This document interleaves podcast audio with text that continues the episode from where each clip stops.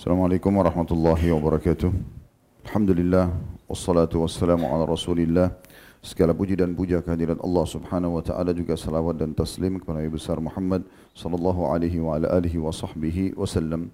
Lanjutkan pada buku kita Sahih Targhib Tarhib dan kita masih dalam kitab solat dan masih di bab yang sama bab ke-9 tentang masalah anjuran membaca doa-doa ketika beranjak tidur dan keterangan tentang orang yang tidur namun tidak berzikir kepada Allah Subhanahu wa taala.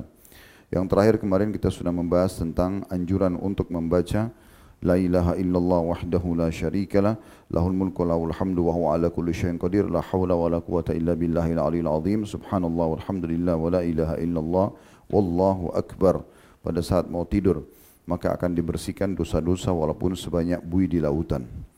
Kesempatan ini insyaAllah kita masuk zikir ke-6 dan hadis ke-6 dalam bab ini dengan sanad sahih di ghairihi.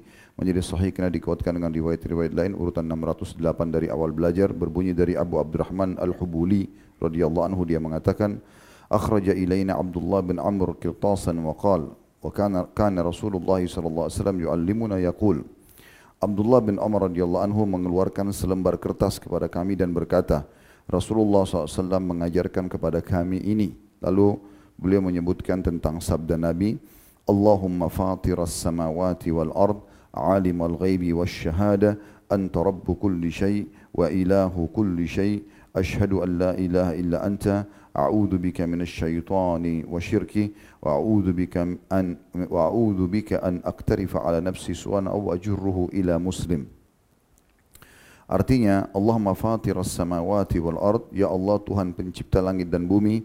Alimul ghaibi wasyahada Tuhan yang mengetahui semua yang gaib dan yang nyata. Anta rabbu kulli syai. Engkau lah Tuhan segala sesuatunya. Wa ilahu kulli syai.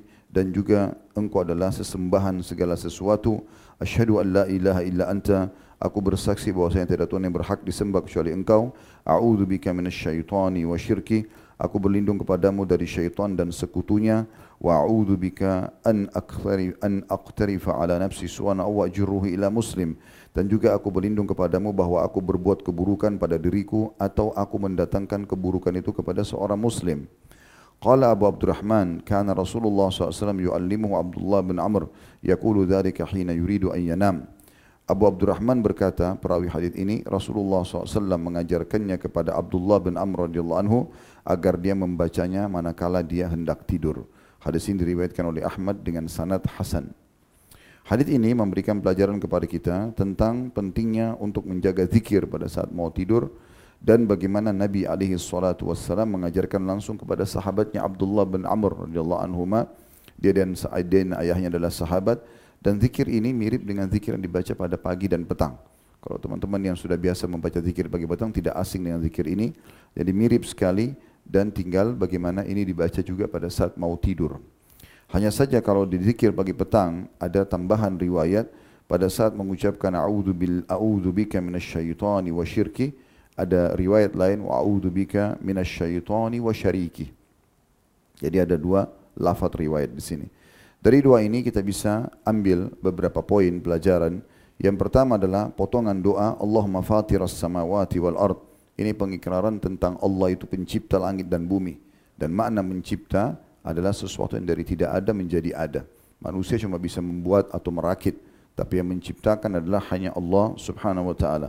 Ini berarti mengingatkan kita bahwasanya ada Tuhan yang menciptakan langit dan bumi dan semua apa ada di dalamnya termasuk kita di sini. Dan potongan yang kedua alim al-ghaibi wa syahada. Pengikraran bahwasanya hanya Allah yang mengetahui yang gaib dan juga yang nyata dan tidak ada yang tahu gaib kecuali Allah. Bahkan para nabi-nabi pun tidak mengetahui hal-hal yang gaib, apalagi manusia biasa.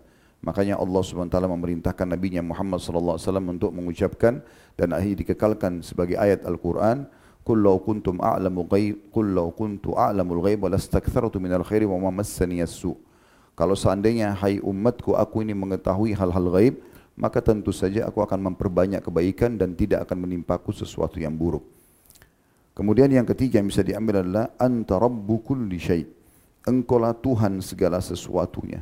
Maknanya tidak ada Tuhan yang berhak disembah kecuali Dia, kecuali Allah Subhanahu wa taala karena memang semua yang dianggap Tuhan oleh sebagian orang itu adalah juga bertuhan kepada Allah Subhanahu taala seperti patung yang dibuat, pohon yang dikeramatkan dan seterusnya, ini tetap berarti dikembalikan kepada Allah Subhanahu wa taala. Mereka pun nanti pada hari kiamat memungkiri semua sesembahan atau sesembahan ini akan memungkiri semua yang menyembahnya. Kemudian potongan yang keempat wa ilahu kulli syai dan sesembahan segala sesuatunya.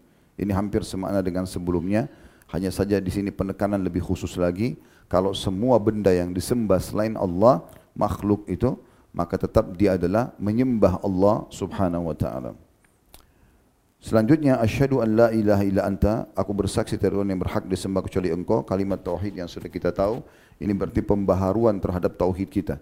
Kemarin-kemarin kita sudah sempat belajari beberapa zikir yang dibaca di antara bacaan dibaca pada saat mau tidur membaca kul ya ayyuhal kafirun dan bagaimana Nabi SAW mengatakan ini menyelamatkan dari syirik. Berarti memang kita dikhawatirkan dalam keseharian dari pagi sampai malam ada hal-hal yang salah kita lakukan maka diperbaikin dengan zikir-zikir seperti ini. Dan Ibn Taimiyah rahimahullah pernah dinukil, beliau pernah mengikrarkan syahadat asyhadu an la ilaha illallah wa asyhadu anna muhammad rasulullah dan berulang kali. Salah satu muridnya bertanya, "Kenapa Anda lakukan itu?" Beliau mengatakan, "Karena saya khawatir jangan sampai ada detik-detik hidup saya yang saya lalui terjadi kesyirikan, akhirnya saya meninggal dalam keadaan syirik dan tidak masuk dalam surga. Maka tidak ada salahnya saya memperbaharui syahadat saya." Potongan selanjutnya, ini yang keenam, "A'udzubika minasyaitani wa syirki." Dan aku berlindung kepadamu dari syaitan. Tidak cukup situ dan semua sekutunya. Jadi syaitan itu seringkali menggoda langsung atau dia menggunakan sekutu-sekutunya dari para jin-jin ya atau sekutu-sekutunya dari manusia dan sekutu dari manusia ini ada para dukun, peramal, penyihir dan penyamun serta sisi lain juga semua ahli maksiat yang coba membisikkan ke telinga orang-orang beriman dengan mengajaknya agar menjeru atau melakukan pelanggaran agama. Maka ini semua sekutu syaitan. Jadi tidak cukup kita mengatakan saya berlindung kepada ya Allah dari syaitan. Itu cuma syaitan saja. Tapi kalau kita ikuti dengan ini wa syirkihi maka kita akan terlindungi dari semua yang telah bersekutu dengan syaitan. Yang ketujuh, wa a'udzu bika min an aktarifa ala nafsi su'ana au ajruhu ila muslim. Dan aku berlindung kepadamu jangan sampai aku berbuat satu kejahatan atau keburukan pada diriku sendiri atau aku mendatangkan itu kepada seorang muslim. Dan ini juga termasuk yang dibaca di zikir pagi petang sebagaimana saya katakan tadi. Dan ini adalah doa yang mulia di mana kita minta agar jangan sampai kita mendolimi diri kita sendiri dengan menjurumuskannya pada kesalahan. Atau kita tidak melakukan tapi kita menjurumuskan muslim yang lainnya. Ini di antara zikir yang dianjurkan sebelum tidur dan insya Allah nanti kita akan baca lagi hadis yang ketujuh atau zikir yang ketujuh tepatnya selepas asar. Subhanakallahumma bihamdika asyhadu an la ilaha illa anta astaghfiruka wa atubu ilaik. Assalamualaikum warahmatullahi wabarakatuh.